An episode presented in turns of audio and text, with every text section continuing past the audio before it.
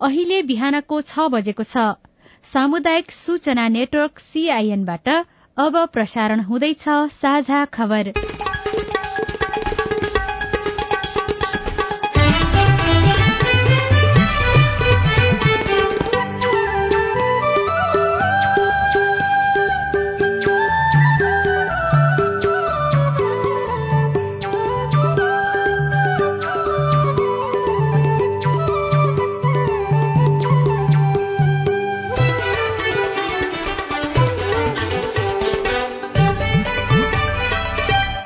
शुभ प्रभात यो सीआईएन को साझा खबर हो। उषा तामाङसँगै राजन रुचालको तपाईँलाई स्वागत छ। सामुदायिक रेडियोबाट देशैभरि एकैसाथ प्रसारण भइरहेको साझा खबर सीआईएन खबर डट कम र मोबाइल एप सीआईएनबाट पनि सुन्न सकिन्छ।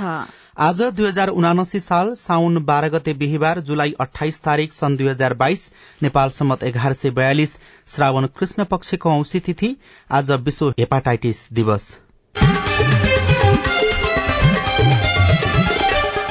साझा खबरमा प्रमुख खबरका शीर्षकहरू। एसीको नतिजा पाँच वर्ष यताकै कमजोर कोरोना महामारीका कारण नतिजा खस्किएको शिक्षाविदहरूको विश्लेषण निजामती सेवामा पचास हजार दरबन्दी रिक्त। एसपीपी पत्राचारमा सरकारको आलटालपछि संसदीय समितिको ताकेता। सीसीटीभी फुटेज प्रकरण प्रतिवेदनमा लेख्ने निष्कर्षबारे समितिमा मत बाजियो। समाजवादी केन्द्र कांग्रेससँग सीट बाँडफाँडका लागि नभएको माओवादीको तर्क। आयल निगम ग्यास पाइपलाइनको तयारीमा जुट्यो। अन्तर्राष्ट्रिय बजारमा भइरहेको मूल्य वृद्धिको असर नेपाली उपभोक्ताको भान्सामा पचास प्रतिशत रोपाई सकिएपछि बल्ल मल ल्याउने सम्झौता। फ्रान्समा विमानका कर्मचारीको आन्दोलनका कारण एक हजार भन्दा बढ़ी उडान रद्द। चीनको वुहानमा कोरोना भाइरस फेरि भेटियो। लकडाउनको तयारी। र साफ बीस वर्ष मुनिको च्याम्पियनशीप फुटबलमा नेपालको लगातार दोस्रो जीत।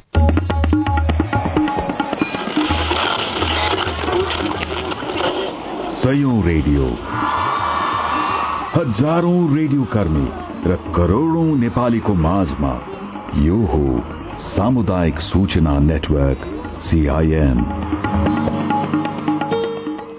साझा खबरको सबैभन्दा शुरूमा पाँच वर्ष यताकै कमजोर एसीको नतिजा बारेको प्रसंग यसपालिको एसी माध्यमिक शिक्षा परीक्षाको नतिजा विगत पाँच वर्ष यताकै कमजोर देखिएको छ। राष्ट्रिय परीक्षा बोर्डले बुधबार सार्वजनिक गरेको नतिजा अनुसार चार लाख पञ्चानब्बे हजार सात सय एकाउन्न परीक्षार्थी मध्ये बयालिस जनाले मात्रै जीपीए चारमा चार ल्याएका छन्। जनसंख्या कोरोना महामारी अघिको भन्दा पनि कम हो।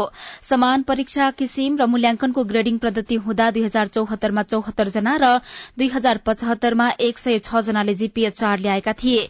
कोरोना महामारीका बेला विद्यालयले नै मूल्याङ्कन गरेकाले यसैमा जीपीए चार प्राप्त गर्ने विद्यार्थीको संख्या अस्वाभाविक रूपमा धेरै थियो। दुई हजार सतहत्तरमा आठ हजार चार सय चौवालिस जना र दुई हजार छयत्तरमा नौ हजार तीन सय उन्नाइस जनाले जीपीए चार ल्याएका थिए। त्यति बेला बोर्डले नतिजा प्रमाणीकरण मात्रै गरेको थियो। बोर्ड र विद्यालयले परीक्षा सञ्चालन गर्दाको नतिजाबाट शिक्षकले मनपरी नम्बर दिएको वा बोर्डले अप्ठ्यारा प्रश्न सोधेको हुन सक्ने देखिएको शिक्षाविदहरू बताउँछन्। कतिपय नतिजा कमजोर हुनुलाई कोरोना कालको शैक्षिक क्षतिका रूपमा विश्लेषण गरेका छन्। राष्ट्रिय परीक्षा बोर्डका अनुसार चार लाख पञ्चानब्बे हजार सात सय एकाउन्न जना विद्यार्थी परीक्षामा सहभागी भएकामा नौ हजार छ सय तेत्तीस जनाले तीन दशमलव छदेखि चार जीपीएसम्म ल्याएका छन् भने शून्य दशमलव आठ शून्य जीपीएदेखि एक दशमलव दुई जीपीए ल्याउनेको संख्या तीन हजार दुई सय अस्सी रहेको बोर्डका सदस्य सचिव दुर्गा प्रसाद अर्यालले जानकारी दिनुभयो। सबभन्दा सानो जीपीए जिरो पोइन्ट एटदेखि वान पोइन्ट टूसम्म ल्याउने विद्यार्थी संख्या तीन हजार दुई सय अस्सी छ। त्यसलाई हामीले प्रतिशतमा हेर्दाखेरि जिरो पोइन्ट सिक्स सिक्स प्रतिशत हुन्छ। त्यसै गरी थ्री पोइन्ट सिक्सदेखि फोर जीपीए ल्याउने अर्थात् सबभन्दा उच्च स्थानमा प्राप्ताङ्क ल्याउन सफल विद्यार्थी संख्या नौ हजार छ सय तेत्तिस छ। त्यसलाई प्रतिशतमा हामीले हेर्दा एक दशमलव नौ चार प्रतिशत हुन्छ। बोर्डले परीक्षाफल सन्तोषजनक भएको बताएको छ। विक्रमसम्म दुई हजार अठहत्तरको माध्यमिक शिक्षा परीक्षा एसईको खस्कने नतिजा ढाक्न लेटर ग्रेडिङ निर्देशिका रातारात संशोधन गरिएको छ। मंगलबारसम्म नयाँ निर्देशिका अनुसार नतिजा सार्वजनिक गर्ने सम्पूर्ण तयारी रहे पनि बुधबार भने त्यसभन्दा पछि सरेर नतिजा सार्वजनिक गरिएको हो। बुधबार हिजो नतिजा सार्वजनिक गर्ने तयारीबारे जानकारी दिन परीक्षा नियन्त्रण कार्यालयले मंगलबार अपरान्न बोर्ड बैठक बोलाएको थियो। बोर्ड बैठकमा परीक्षा नियन्त्रण कार्यालयका सम्बद्ध पदाधिकारीले निर्देशिकाको नयाँ प्रावधान अनुसार मूल्याङ्कन गर्दा लाजमर्दो नतिजा आउने धारणा प्रस्तुत गरेका थिए। त्यसपछि बोर्ड बैठकले साविककै निर्देशिका अनुसार नतिजा सार्वजनिक गर्ने निर्णय गर्दै त्यसको स्वीकृतिका लागि शिक्षा विज्ञान तथा प्रविधि मन्त्री समक्ष पेश गरेको थियो। शिक्षा मन्त्री देवेन्द्र पौडेलले निर्देशिका तत्काल स्वीकृत गर्नुभएको थियो। निर्देशिकामा हरेक विषयमा सैद्धान्तिकतर्फ न्यूनतम पैंतिस प्रतिशत र प्रयोगत्मकतर्फ न्यूनतम चालिस प्रतिशत हासिल गर्नुपर्ने व्यवस्था छ। कोविड उन्नाइसको दोस्रो लहरले गर्दा पठन पाठन राम्ररी सञ्चालन हुन नसकेको र कोर्स पनि पूराउन नसकेको तर्क गर्दै निर्देशिका संशोधन गरिएको हो। बजेट निर्माण प्रक्रियामा अनधिकृत व्यक्तिको प्रवेश भए नभएको छानबिन गर्न गठित संसदीय विशेष समितिको प्रतिवेदन लेखनमा सदस्यहरूबीच मत बाजिएको छ जसका कारण हिजो लगातार छ घण्टा समितिमा छलफल भए पनि प्रतिवेदनमा लेख्ने छानबिनको निष्कर्षबारे सहमति जुट्न सकेन। समितिमा रहेका सत्तारूढ़ दलका सांसदहरू अनधिकृत व्यक्तिको प्रवेशको कुनै तथ्य नभेटिएकाले त्यही निष्कर्षसहित प्रतिवेदन लेख्नुपर्ने पक्षमा छन् तर प्रमुख प्रतिपक्षी एमालेका सांसद सम्बन्धित निकायको असह सहयोग र प्राविधिक अस्पष्टताका कारण छानबिन अधुरो भएकाले सफाई दिन नहुने पक्षमा छन्। समितिको सचिवालयले सीसीटीभी फुटेजको रिपोर्ट विभिन्न व्यक्तिहरूको बयान तथा छलफल र अन्य दस्तावेज प्रतिवेदनमा उल्लेख गरिसकेको छ। तर समिति सदस्यहरूबीच मत बाँझिदा निष्कर्ष भने लेख्न सकेको छैन। समिति सचिव सुरेन्द्र अरियालले हिजो प्रतिवेदन कसरी लेख्ने के के राख्ने सकेसम्म समान धारणा बनाउने भनेर व्यापक छलफल भएको बताउनुभयो। तर निष्कर्षबारे सहमति नजुटिसकेकाले साझा धारणा बनाउन सदस्यहरू छलफलमै रहेको उहाँको भनाइ छ। सत्ता गठबन्धनमा रहेका माओवादी केन्द्र नेकपा एकीकृत समाजवादी पार्टी र अन्य केही वाम नेताहरूले समाजवादी केन्द्रको अवधारणा अघि सारेका छन्। मूलत आसन्न संघ र प्रदेशको चुनावमा एक भएर जाने लक्ष्य सहित समाजवादी केन्द्र मार्फत एकताबद्ध हुने उनीहरूको योजना छ तर समाजवादी केन्द्रलाई कतिपयले चुनावमा सीट बाँडफाँडका लागि सौदाबाजीका लागि अघि सारिएको टिप्पणी पनि गरेका छन्। तर यस्तो टिप्पणी सही नभएको नेकपा माओवादी केन्द्रका नेता हरिबोल गजुरेलले सीआईएमसँग दावी गर्नुभयो। समाजवादी भनेको नि समाजवादको लक्ष्यप्रति प्रतिबद्ध मार्क्सवादका आधारभूत कुरालाई मान्नेहरूलाई त्यसमा समेट्न खोजेको जसरी अहिले समाजवादी केन्द्र बनाउने भनेर अगाडि आएका अनुहारहरू चाहिँ प्रचण्ड माधव कुमार नेपाल झलनाथ खनाल वामदेव गौतम डाक्टर बाबुराम भट्टराई। तपाईँलाई विश्वास लाग्छ यी अनुहारले अझै पनि देशको विकास गर्लान् शक्ति केन्द्रको रूपमा चाहिँ अगाडि बढ्लान् त्यो बनाउलान् भन्ने कुराको? यो त्यस्तो हामीले अब यी अनुहारबाट हामीले धेरै अपेक्षा गर्नुहुन्न। त्यहाँ नयाँ पिँढीलाई नल्याइकन समाज क्रान्तिको कार्यभार हामी हामीले नै पूरा गर्छौँ। अब भन्ने स्तरमा त हामी छैनौँ। त्यो आधार खडा गर्दै जसले गर्दा युवाहरू आकर्षित होस् र उनीहरूले नयाँ बसहरू होइन अगाडि बढाउँदै फेरि एउटा बाटो तय गरून् भन्ने कुरो त्यसको आधार बढ्ने कुरो चाहिँ एउटा आकर्षण त जरुरी छ। अहिले टुटफुट विभाजनले जो एउटा नकारात्मक असर परिरहेको छ होइन कमजोर भइरहेको महसुस गरिरहेको छ वामपन्थी जो युवाहरू हो तिनीहरूलाई आकर्षित गर्न सक्यो भने तिनीहरूले त्यो कार्यलाई अगाडि बढाउँछ त्यो उद्देश्य सहित हो। तर तपाईँकै पार्टीका एकजना जिम्मेवार नेताले चाहिँ यो समाजवादी केन्द्र बनाइसके पछाडि सत्ता गठबन्धनभित्र भएका वाम दलहरू एक भइसके पछाडि चाहिँ कांग्रेससँग सिटमा बाँडफाँड गर्न बार्गेनिङ गर्न अझै बढी सजिलो हुन्छ हामी शक्तिमा पुग्छौं भनेर भन्नुभएको छ। त्यसलाई के भन्ने? कसले भन् त्यस्तो कुरा त गर्ने हुन्न त्यो? खालि बार्गेनिङ गर्न यो त गलत कुरो हो त्यसरी गर्नु बार्गेनिङ गर्न होइन हामीले वामपन्थीहरूलाई एक ठाउँमा ल्याउने। कम्युनिस्टहरूलाई एक ठाउँमा ल्याउने उद्देश्य त कायमै छ नि हाम्रो। हिजो अब हामीले कोसिस गरेकै हो। तर तपाईँहरूलाई भित्रभित्रै मनमा भएको डर चाहिँ काङ्ग्रेसलाई बहुमत सिट दियो भनेदेखि काङ्ग्रेसले बहुमत ल्याउँछ र सरकार एक्लै बनाउँछ त्यस्तो अवस्थामा हामी एक्लो पर्छौँ भन्ने तपाईँहरूलाई त्यो त छ नि होइन? त्यो भन्दा नि मुख्य कुरो अहिले हाम्रो उद्देश्य होइन प्रत्येक अनुकायलाई कमजोर भन्ने मूल कुरो हो। त्यसपछि हामी आफै शक्तिशाली हुन चाहन्छौँ। हामी त हामी बलियो हुन चाहन्छौँ नि त वामपन्थीहरू नै बलियो हुन चाहन्छौँ। त्यो उद्देश्य सहित हामीले काङ्ग्रेससँग सहकार्य गर्ने हो। अमेरिकी राज्य साझेदारी कार्यक्रम एसपीपी अस्वीकार्यबारे पत्राचार गर्न र कागजपत्र बुझाउन सरकारले आलटाल गरेपछि संसदीय समितिले ताकेता गरेको छ। प्रतिनिधि सभाको अन्तर्राष्ट्रिय सम्बन्ध समितिले एसपीपी सम्बन्धी माग गरिएका सम्पूर्ण प्रमाणपत्र यथाशीघ्र उपलब्ध गराउन र अमेरिकालाई अविलम्ब पत्र पठाउन निर्देशन गरेको छ। एसपीपीमा नेपालले सहभागी नहुने भनेर अमेरिकालाई लेख्नुपर्ने पत्र आजसम्म किन गइरहेको छैन?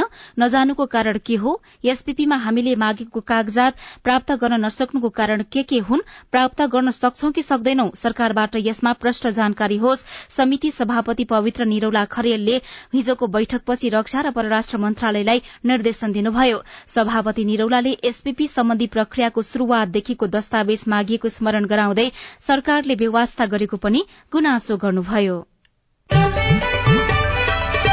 सरकारले भिजिट भिसामा विदेश गएर काम गर्ने सोच नराख्न सबैसँग अनुरोध गरेको छ। सरकारले भिजिट भिसामा पर्यटकका रूपमा मात्र विदेश जान अनुरोध गर्दै रोजगारको अपेक्षा नराख्न सुझाव दिएको हो।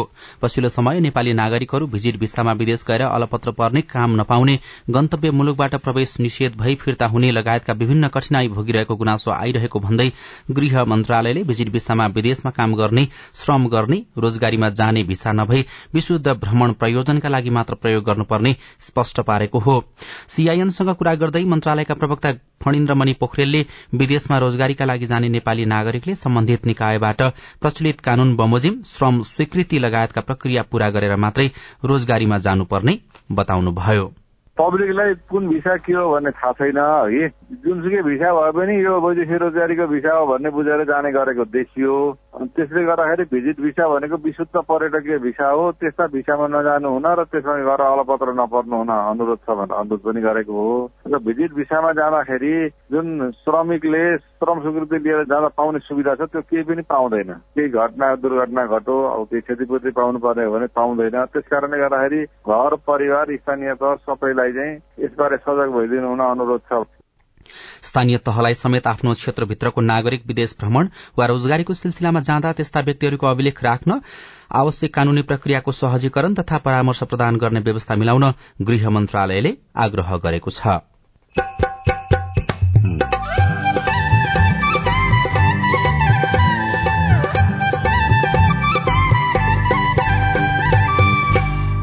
सामुदायिक सूचना नेटवर्क सीआईएन मार्फत देशभरि प्रसारण भइरहेको साझा खबरमा व्यावसायिक केरा खेतीमा रमाउँदै चितवनका किसान। केराबाट चाहिँ म खुसी पनि छु र सुखी पनि छु। मैले टिचिङ पेसा छोडेर आएको म क्याम्पसको लेक्चर नै हो भनेपछि म यो पेसाप्रति आकर्षित भएँ किनभने त्योभन्दा यतापट्टि आमदानी भएर आएको नेपाल आयल निगम ग्यास पाइपलाइनको तयारीमा जुट्यो। पचहत्तर प्रतिशत रोपाई सकिएपछि बल्ल मल्याउने सम्झौता लगायतका खबर बाँकी नै छन्। सीआईएनको साझा खबर सुन्दै गर्नुहोला। उठाउनु पर्ने आवाजहरू सदनमा उठाउनु भएको छ। तपाईँलाई धन्यवाद दिनुपर्ने हुन्छ। कानून निर्माणमा नागरिक सहभागिता सिद्धान्त र अभ्यास। पारित गरियोस् भन्ने प्रस्ताव दुई तिहाई बहुमत भन्दा बढी मतबाट पारित भएको घोषणा गर्दछु। कानून कार्यान्वयनमा सांसद र संसदको जवाफदेहिता। र जिल्लाको र समग्र मुलुकका चाहिँ सवालहरूलाई संसदमा उठाउने सवालहरूमा म आफूले सशक्त ढंगले भूमिका खेले भन्ने लाग्छ। संसदीय प्रक्रियामा जनता र सरकारवाला निकायको नजर। युवाको क्षेत्रमा त्यति धेरै काम भएको छैन। युवालाई चाहिँ ओजरमै राखेर अहिले काम भइरहेको छ। युवाहरूलाई चाहिँ रोजगारीमा जोड्नुपर्छ भनेर अहिले केही कार्यक्रमहरू पनि सञ्चालन गरेका छौँ। जनतादेखि नेतासम्म नीतिदेखि नेतृत्वसम्म युवा सीमान्तकृत वर्ग जाति अल्पसंख्यकका सवालहरू। जनताको कुरा राख्ने ठाउँ संसदै हो। हामी कार्यपालिका होइन व्यवस्थापिका हो नीति निर्माण गर्ने हो। अब सवाल मात्रै होइन जवाबसँगै देखिन्छ प्रभाव पनि।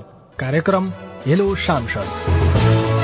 सीआईएन मार्फत मुलुकभरका सामुदायिक रेडियोमा हरेक बिहिबार बेलुकाको साझा खबरमा र भोलिपल्ट शुक्रबार बिहान साढे छ बजे कार्यक्रम हेलो सांसद। सीआईएन को फेसबुक पेज र युट्युब च्यानलमा सांकेतिक भाषामा पनि हेर्न सक्नुहुनेछ। युएनडिपी संसद सहयोग परियोजना र अकुराबको सहकार्य। सामाजिक रूपान्तरणका लागि यो हो सामुदायिक सूचना नेटवर्क सीआईएन तपाईँ अहिले देशभरिका सामुदायिक radio CIN Khabar dot com र मोबाइल एप सीआईएनबाट एकैसाथ साझा खबर सुन्दै हुनुहुन्छ। अब आज काठमाडौँबाट प्रकाशित पत्र पत्रिकाको खबर। कान्तिपुर दैनिकमा पचहत्तर प्रतिशत रोपाई सकिएपछि बल्ल मल ल्याउने सम्झौता। गहुँ बालीका लागि मात्रै मल आउन सक्ने जेटुजीबाट पाँच वर्षसम्म खरिद गरिने शीर्षकमा राजेश मिश्रले नयाँ दिल्लीबाट खबर लेख्नु भएको छ। मुलुकभर पचहत्तर प्रतिशत रोपाई सकिएपछि बल्ल मल खरिदको सम्झौता भएको छ। हरेक वर्ष रोपाई गाईको मुखमा रासायनिक मल अभाव भएपछि सरकारले जी मार्फत मल ल्याएर सहज बनाउने आश्वासन दिएको थियो। त्यसका लागि गत फागुन सोह्रमा भारतका तर्फबाट रसायन एवं मल मन्त्रालयका सचिव राजेश कुमार चतुर्वेदी र नेपालका तर्फबाट कृषि सचिव गोविन्द प्रसाद शर्माले समझदारी पत्र आदान प्रदान गर्नुभएको थियो। त्यसको छ महिनापछि बल्ल मल खरिदको सम्झौता भएको हो। समझदारी पत्र भए लगतै जेठ दोस्रो सातासम्म मल आउने आश्वासन दिइयो। त्यो मितिमा सम्भव नभएपछि तत्कालीन कृषि मन्त्री महेन्द्र राय यादव स्वयंले असारको पहिलो साता मल आउने बताउनुभयो। मन्त्रालयका एक अधिकारीले भने तर मन्त्रीले झुटो आश्वासन दिनुभयो। मल बिने पचहत्तर प्रतिशत रोपाई भइसक्यो। बुधबार खरिदको सम्झौता भए पनि धान बालीका लागि मल आइपुग्दैन। यसको पुष्टि कृषि सामग्री कम्पनीका कायम कायम प्रबन्ध संचालक राजेन्द्र बहादुर कार्कीले गर्नुभएको छ। उहाँले भारतबाट आउने मल नेपाली किसानले गहुँ खेतीका बेला मात्रै पाउन सक्ने बताउनुभयो। सोही पृष्ठमा ग्यास पाइपलाइनको तयारीमा निगम शीर्षकमा राजु चौधरीले खबर लेख्नु भएको छ। मोतिहारी अम्लेखगंज पेट्रोलियम पाइपलाइनको प्रतिफल राम्रो निस्किएपछि सरकार एलपी ग्यासको पनि पाइपलाइन बनाउने तयारीमा जुटेको छ। पेट्रोलियम पाइपलाइन बनेपछि वार्षिक करिब दुई अर्ब रूपियाँ बचत भइरहेको छ। ढुवानीमा हुने नोक्सानी भन्सार नाकामा हुने सवारी जाम अन्त भएको छ। इन्धन ढुवानीमा पाइपलाइन उत्तम विकल्प भएकाले नेपाल आल निगम ग्यास पाइपलाइन बनाउने तयारीमा जुटेको हो। नयाँ पत्रिका दैनिकको अर्थ पत्रिका पृष्ठमा महँग्यो खाद्यान्न भनेर अजित अधिकारी र भोजराज भण्डारीले खबर लेख्नु भएको छ। दैनिक उपभोग्य खाद्यान्न तरकारी फलफूल लगायतका मूल्यको अस्वाभाविक रूपमा वृद्धि भएको तथ्याङ्क बाहिर आएको छ। आयातमा निर्भर अर्थतन्त्रका कारण अन्तर्राष्ट्रिय बजारमा परेको मूल्य श्रृंखलाको प्रभाव नेपाली उपभोक्ताको भान्सासम्म आइपुगेको छ। पछिल्लो एक महिनाको अवधिमा चामल प्रति बोरा कम्तीमा एक सय रूपियाँले वृद्धि भएको छ। प्रमुख खाद्य धान उत्पादनले मागको चालिस प्रतिशत मात्रै धान्ने गरेको छ बाँकी साठी प्रतिशत आयातमा निर्भर हुनु परेको व्यवसायीको भनाइ छ। भारतबाट धान चामल आयातमा प्रतिकूल प्रभाव परेका कारण अहिले मूल्यमा चाप परेको दाल चामल तेल उद्योग संघका अध्यक्ष सुबोध गुप्ताले जानकारी दिनुभयो। उहाँका अनुसार भारतले धान चामल निर्यातमा नेपाललाई पहिलो प्राथमिकता दिने गरेको थियो तर दुई महिनादेखि बंगलादेशमा भारतबाट धान चामल निर्यात उल्लेख्य हुँदा नेपाली व्यवसायीले हैरानी खेप्न थालेको पनि उहाँले बताउनु भएको छ। खाने तेल कार्टुनमै छ सय रूपियाँले घटेको छ तर पनि नेपाली बजारमा भने त्यसको प्रभाव देखिएको छैन। वर्षा लागेपछि तरकारीको मूल्य भने अस्वाभाविक रूपमा बढ़ेको बताइएको छ। त्यस्तै नयाँ पत्रिका दैनिकमै सत्र प्रतिशतले अपराध बढ़ेको खबर पनि छापिएको छ। कोरोना महामारीकै बीचमा देशमा जघन्य सहितका अपराध भ्वात्तै बढ़ेको छ। पछिल्लो एक वर्षमा करिब सत्र प्रतिशतले अपराध बढ़ेको नेपाल प्रहरीको तथ्याङ्कमा उल्लेख गरिएको छ। आर्थिक वर्ष सतहत्तर अठहत्तरमा देशभरि चालिस हजार एक सय बीसवटा अपराध दर्ता भएकोमा अठहत्तर उनासीमा छयालिस हजार नौ सय दुई पुगेको छ। एक वर्षको अवधिमा सोह्र दशमलव नौ शून्य प्रतिशतले अपराधका घटना बढ़ेका छन्। जगन्य सहित सबै प्रकारका अपराध बढ़ेको प्रहरीको तथ्याङ्कले देखाएको छ। हत्या लागू औषध संगठनिक र आर्थिक सवारी सम्बन्धी अपराध बढ़ेको पनि देखिएको छ। निजामती सेवामा पचास हजार दरबन्दी रिक्त आयोगले वार्षिक रूपमा बढ़ीमा चार हजार परीक्षार्थीको मात्र परीक्षा सम्पन्न गरी सरकारलाई सिफारिश गर्न सक्ने शीर्षकमा नगेन्द्र सापकोटाले गोर्खापत्र दैनिकमा खबर लेख्नु भएको छ। संघ प्रदेश र स्थानीय तीनै तहका विभिन्न पदमा पचास हजार कर्मचारीको दरबन्दी रिक्त छ। रिक्त दरबन्दी मध्ये यस वर्ष करिब चार हजार कर्मचारी मात्र लोक सेवा आयोगबाट पूर्ति गरिँदैछ। सरकारको नीति कार्यक्रम र बजेट कार्यान्वयन गर्ने कर्मचारी रिक्त हुँदा सेवा प्रवाहमा समस्या थपिएको छ। राष्ट्रिय किताबखाना निजामतीका महानिर्देशक बाबुराजा श्रेष्ठले कुल एक लाख छत्तीस हजार निजामती कर्मचारीको दरबन्दी रहेकामा अहिले छयासी हजार कर्मचारी मात्र कार्यरत रहेको बताउनुभयो। मन्त्रालयका सहसचिव एवं प्रशासन महाशाखाका प्रमुख रघुराम विष्टले संघीय निजामती सेवा ऐन जारी हुन नसक्दा तीनै तहमा ठूलो संख्यामा कर्मचारीको दरबन्दी रिक्त रहेको बताउनुभयो।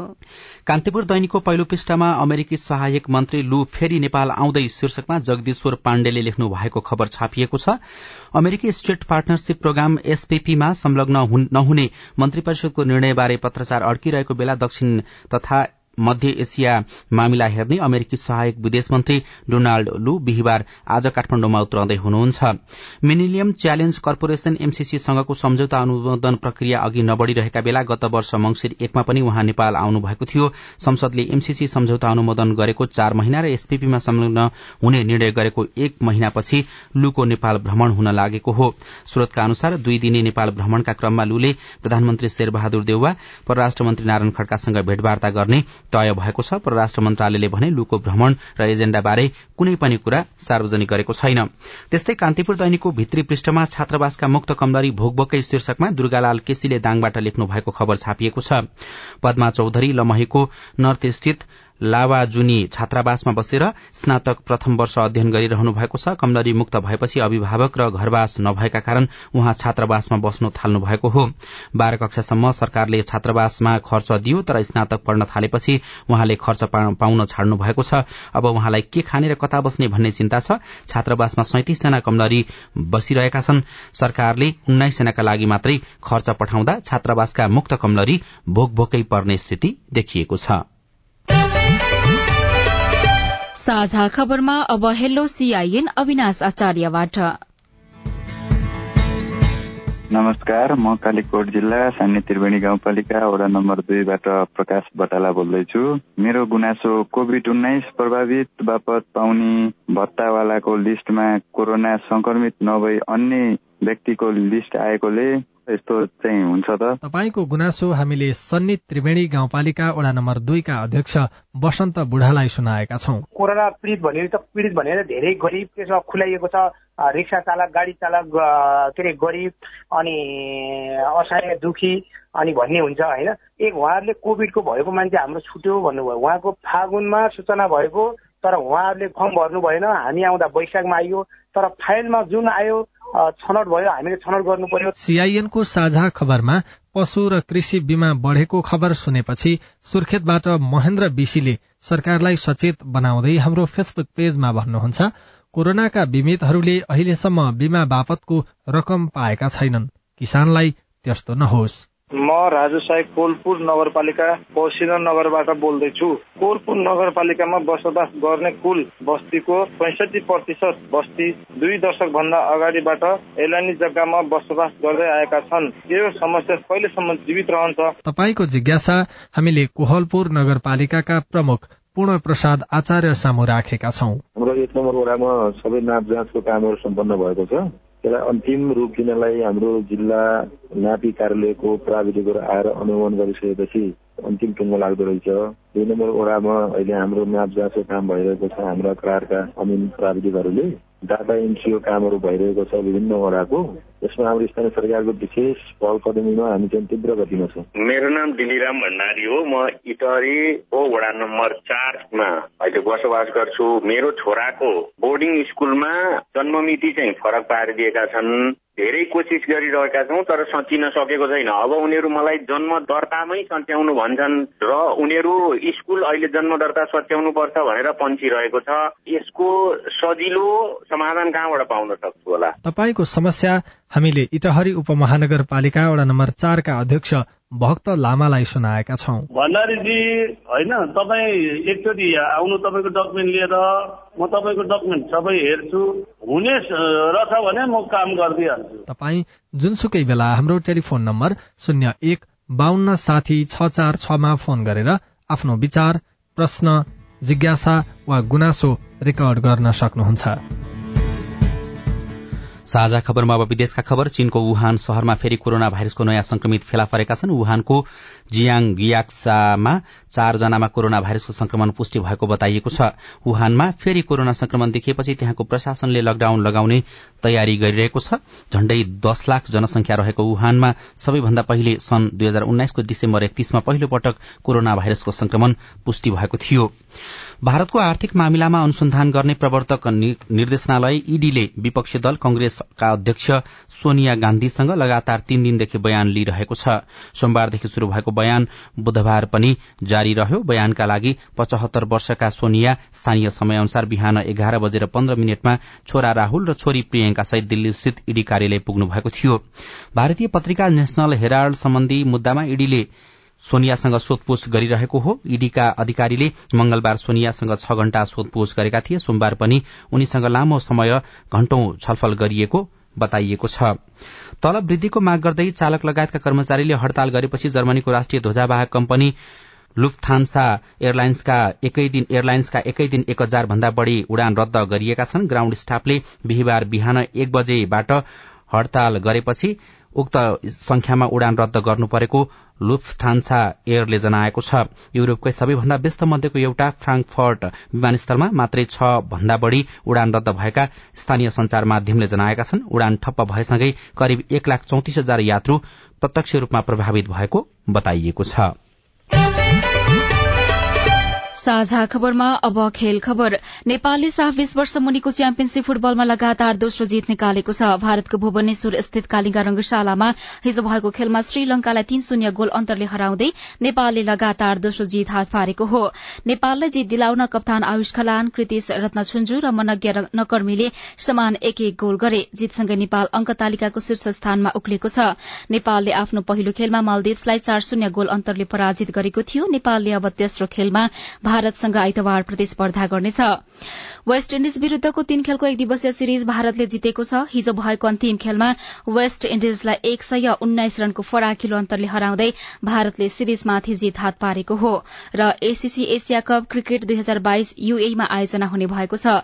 यसअघि श्रीलंकामा आयोजना हुने भनिएको खेल यूएमा गर्न लागि हो।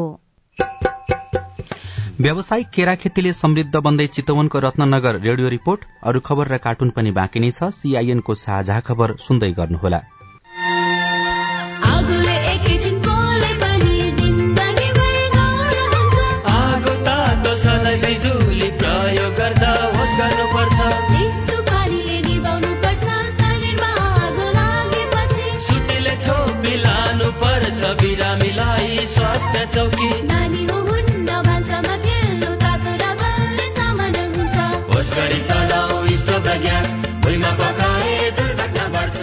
अग्निजन्य दुर्घटना भएमा शून्य एक पचपन्न पचपन्न छ आठ नौमा सम्पर्क गर्नुहोस्। बीबीएस नेपाल ललितपुर। सामाजिक रूपान्तरणका लागि यो हो सामुदायिक सूचना नेटवर्क सीआईएन साझा खबरमा अब व्यावसायिक केरा खेतीको कुरा। राम्रो आमदानी हुने भएपछि चितवनमा व्यावसायिक केरा खेतीमा लाग्ने किसानको संख्या बढ़िरहेको छ। भारतबाट केरा आयात हुने दर उच्च भए पनि नेपालमा उत्पादित केरालाई बजारका लागि खासै समस्या छैन। चितवनका किसान अन्य बाली भन्दा केरा खेती सजिलो र फाइदाजनक भएको बताउँछन्। मेरो चाहिँ आजभन्दा बाइस पच्चिस वर्ष भन्दा पहिलादेखि नै जीविकोपार्जन नै भन्दा पनि मेरो केरा नै हो। रत्नगर जय मंगलाका सरला ढकाल भन्तनाको आधा भन्दा बढ़ी समय केराको स्याहार सुसारमै बित्छ। उहाँको जीविकोपार्जनको एक मात्रै माध्यम बनेको केरा खेती हो। पाँच बिघा क्षेत्रफलमा केरा खेती गर्दै आउनुभएका भन्तनालाई केरा खेतीमा लागेदेखि घर परिवार चलाउन पनि सहज भएको छ। केराबाट चाहिँ म खुसी पनि छु र सुखी पनि छु। किनभने मैले विधिपूर्वक गरिरहेको छु अनि सम्बन्धित निकायबाट पनि मैले अनुदान लिइरहेको छु। बजारीकरणलाई मलाई समस्या छैन। रत्नगर बाह्र जिरौनाका रामचन्द्र दुवाडीले केरा खेती गर्न थाल्नु भएको सात वर्ष भयो। राम्रो आमदानी देखेपछि उहाँले आफ्नो शिक्षण पेसा छाडेर अहिले दस बिघा क्षेत्रफलमा केरा खेती गर्दै आइरहनु भएको छ। प्रति बिघा दुईदेखि तीन लाखका दरले आमदानी हुँदा दुवाडी अहिले मक्ख हुनुहुन्छ। लगभग के छ भने एक बिघामा साढे दुई लाख भन्दा बढी खर्च हुन्छ। लगभग राम्रो गर्न सक्ने मान्छेहरूले चार लाखसम्मको केरा बेच्न सक्छन्। मैले टिचिङ पेसा छोडेर आएको म क्याम्पसको लेक्चर नै हो भनेपछि म यो पेसाप्रति आकर्षित भएँ किनभने त्योभन्दा यतापट्टि आमदानी भएर आएको कृषि ज्ञान केन्द्र चितवनका अनुसार अहिले दुई हजार अठहत्तर हेक्टर बढी क्षेत्रफलमा केरा खेती भइरहेको छ जसले गर्दा चितवन केरा खेतीका लागि प्रसिद्ध पनि बन्दै गएको छ। देशभरि उत्पादन हुने केराको करिब चालिस प्रतिशत केरा अहिले चितवनमा नै उत्पादन हुन्छ।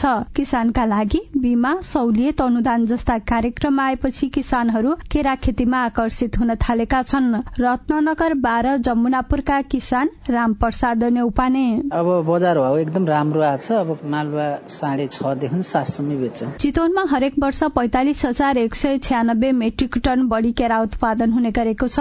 करिब सात सय घरधुरी केरा खेतीमै आश्रित छन्। रत्नगरमा मात्रै उन्नाइस हजार मेट्रिक टन केरा उत्पादन हुन्छ। केरा खेतीलाई थप व्यवस्थित बनाउनका लागि पालिकाले के गर्दैछ त? रत्नगर नगरपालिकाका उपप्रमुख यादव प्रसाद पाठक। कृषिमा दिने अनुदानहरूको बारेमा अनुदानहरू छ। त्यसमा चाहिँ अब त्यहाँ खेतीको निम्ति प्रयोग हुने स्प्रे ट्याङ्कीहरू सिंचाईको निम्ति प्रयोग हुने मोटरहरू त्यस्तो दिने गरेका छ। अहिले चितवनमा मालभोग र जिनाई जातको केरा मात्रै लगाइन्छ। बजारमा यी केराको मूल्य प्रति दर्जन एक सयदेखि एक सय पचास रूपियाँ पर्न जान्छ। थप जातको केरा खेतीका लागि पनि पहल गर्न तथा केरा खेती गरिरहेकाहरूलाई अनुदान तथा प्रोत्साहन उपलब्ध गराउन किसानहरूको माग रहेको छ। माया कडेल सीआईएन विजयएफएम नवलपुर।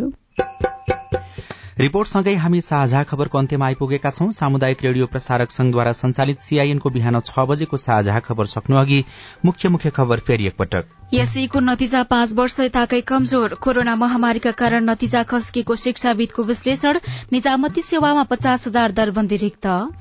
एसपीपी पत्रचारमा सरकारको आलटालपछि संसदीय समितिको ताकेता सीसीटीभी फुटेज प्रकरण प्रतिवेदनमा लेख्ने निष्कर्षबारे समितिमा मत बाजियो। समाजवादी केन्द्र कांग्रेससँग सीट बाँडफाँडका लागि नभएको माओवादीको तर्क। आयल निगम ग्यास पाइपलाइनको तयारीमा जुट्यो। अन्तर्राष्ट्रिय बजारमा भइरहेको मूल्य वृद्धिको असर नेपाली उपभोक्ताको भान्सामा पचहत्तर प्रतिशत रोपाइसकिएपछि बल्ल मल ल्याउने सम्झौता। फ्रान्समा विमानका कर्मचारीको आन्दोलनका कारण एक हजार भन्दा बढ़ी उडान रद्द चीनको वुहानमा कोरोना भाइरस फेरि भेटियो लकडाउनको तयारी। र शाह बीस वर्ष मुनिको च्याम्पियनशीप फुटबलमा नेपालको लगातार दोस्रो जित। साझा खबरको अन्त्यमा कार्टुन लिएका छौं राजधानी दैनिकबाट कुरी शीर्षकमा उत्तम नेपालले बनाउनु भएको यहाँ काठमाडौँ महानगरपालिका भनेर देखाइएको छ फोहोरै फोहोर थुप्रिएको छ। मान्छेहरू नाक थुनेर हिँडिरहेका छन् कुरा पनि काटिरहेका छन् एक सातादेखि थुपिएको फोहोर आजबाट उठ्ने भनेर भनिएको छ। झमझम पानी पर्दा सड़कमा थुपारिएको फोहोर हेरि नसक्नुहुन्छ फोहोरका कारण हुन सक्छ।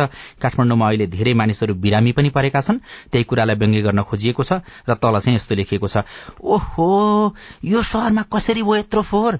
यहाँ सफा सुग्गरीहरू बस्दैनन् र भन्या।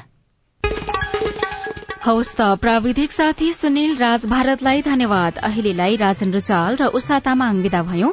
तपाईँको आजको दिन शुभ होस्। नमस्कार। यसपछि देशभरिका सामुदायिक रेडियोबाट कार्यक्रम साझा आवाज प्रसारण हुनेछ। सुन्ने प्रयास गर्नुहोला।